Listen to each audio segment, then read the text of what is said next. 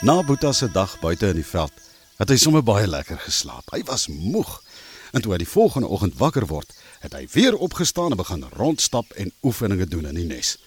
Hy het weer van die lekker vars water gedrink en weer na die nes se groot deur na buite gegaan. Maar net toe hy daar kom, sien hy daar is 'n vreemde bedrywigheid aan die gang. Wat gaan hier aan? Vra hy vir een van die werkerbye.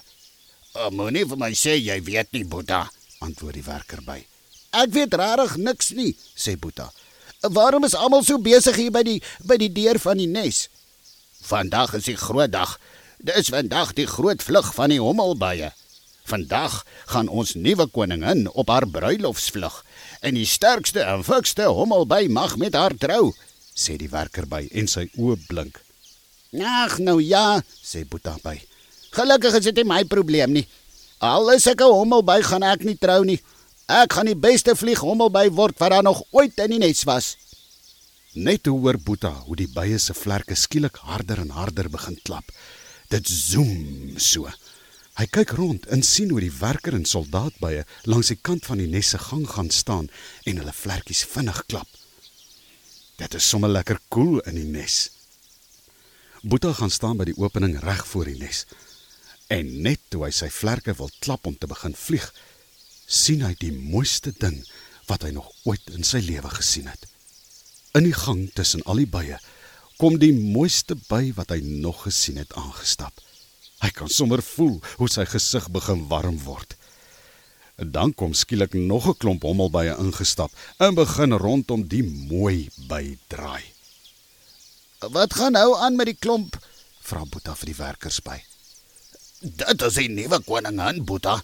Hierdie klomp hommels gaan nou almal agter haar aanvlieg. Uh, sy kan baie hoog vlieg en die hommel sal moet hard vlieg om by haar by te hou. Boeta by lag so wel lekker. Nee, en dit sal 'n dag wees. Ons sal sien wie vlieg die hoogste en die verste. Boeta staan die jong koningin by nog so en aankyk en toe skielik lig sy haar vlerke en vlieg by die nes uit.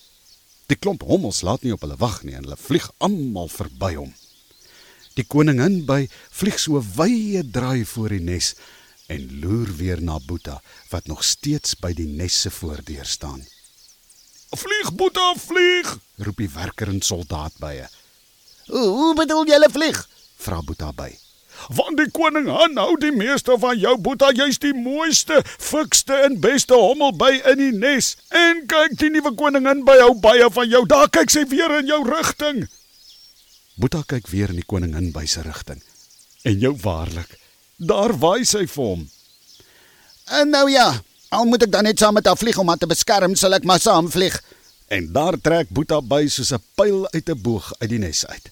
Hy vlieg en vlieg en soos hy vlieg en vlieg kom hy agter dat die koningin by baie vinnig en rats kan vlieg. Sy vlieg al hoër en hoër. Die ander lomp hommelbye vlieg in 'n swerm agter haar aan. Later is sy so hoog in die lug dat die hommels die een na die ander begin uitsak. Hulle is te vet en te onfiks en hulle kan nie byhou nie. Maar hoe hoër die koningin by vlieg, hoe hoër vlieg Boeta by. Hoër en hoër. Later kan Boeta sien die jong koningin by begin ook al moeg raak. "Ai, koningin by, dink jy nie ons kan nou maar stadiger nie? Jy vlieg te hoog en ek kan sien jy begin moeg raak," sê Boeta by vir haar toe hy langs haar vlieg. "Ek dink my vlerkies is nou baie moeg," sê die koningin by vir Boeta. "Sal jy my help om weer veilig op die grond te kom, Boeta?" vra die koningin by baie mooi. "Maar natuurlik," sê Boeta by. "Kom, Kom kom sit op my rug en dan hou jy styf vas. Ek sal jou sommer in 'n japtrap veilig op die grond uitbring. Boetapai het mooi onder die jong koningin by ingevlieg en sy het sag op Boeta se rug gaan sit en vashou. Boeta vlieg mooi in sulke wye sirkels totdat hulle naby die nes kom. Al die bysoldate en werkers klap hande en klap hulle vlerkies vinnig. Dit gee 'n groot gezoem af. En toe Boeta by met die jong koningin by op sy rug by die byenes se opening land, is daar groot blydskap in die nes. Hulle het skaars geland, toe neem die soldaat bye vir die koningin by en vir Boeta by na die koningin by se paleis toe, diep in die nes. Die hele dag het die bye verder groot fees gevier, want Boetabay was die wenby in die groot vlug van die hommelbye. Hy was nou die koningin by se nuwe maatjie. En die ander hommelbye het sommer op hulle vlug verdwaal en nooit weer by die byenes uitgekom nie.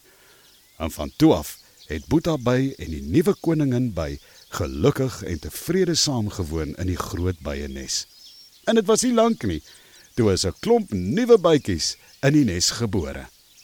Dit het goed gegaan met die bye en koning Louis leeu en die ander diere was baie trots op Boetabay en sy pragtige nuwe jong koningin by.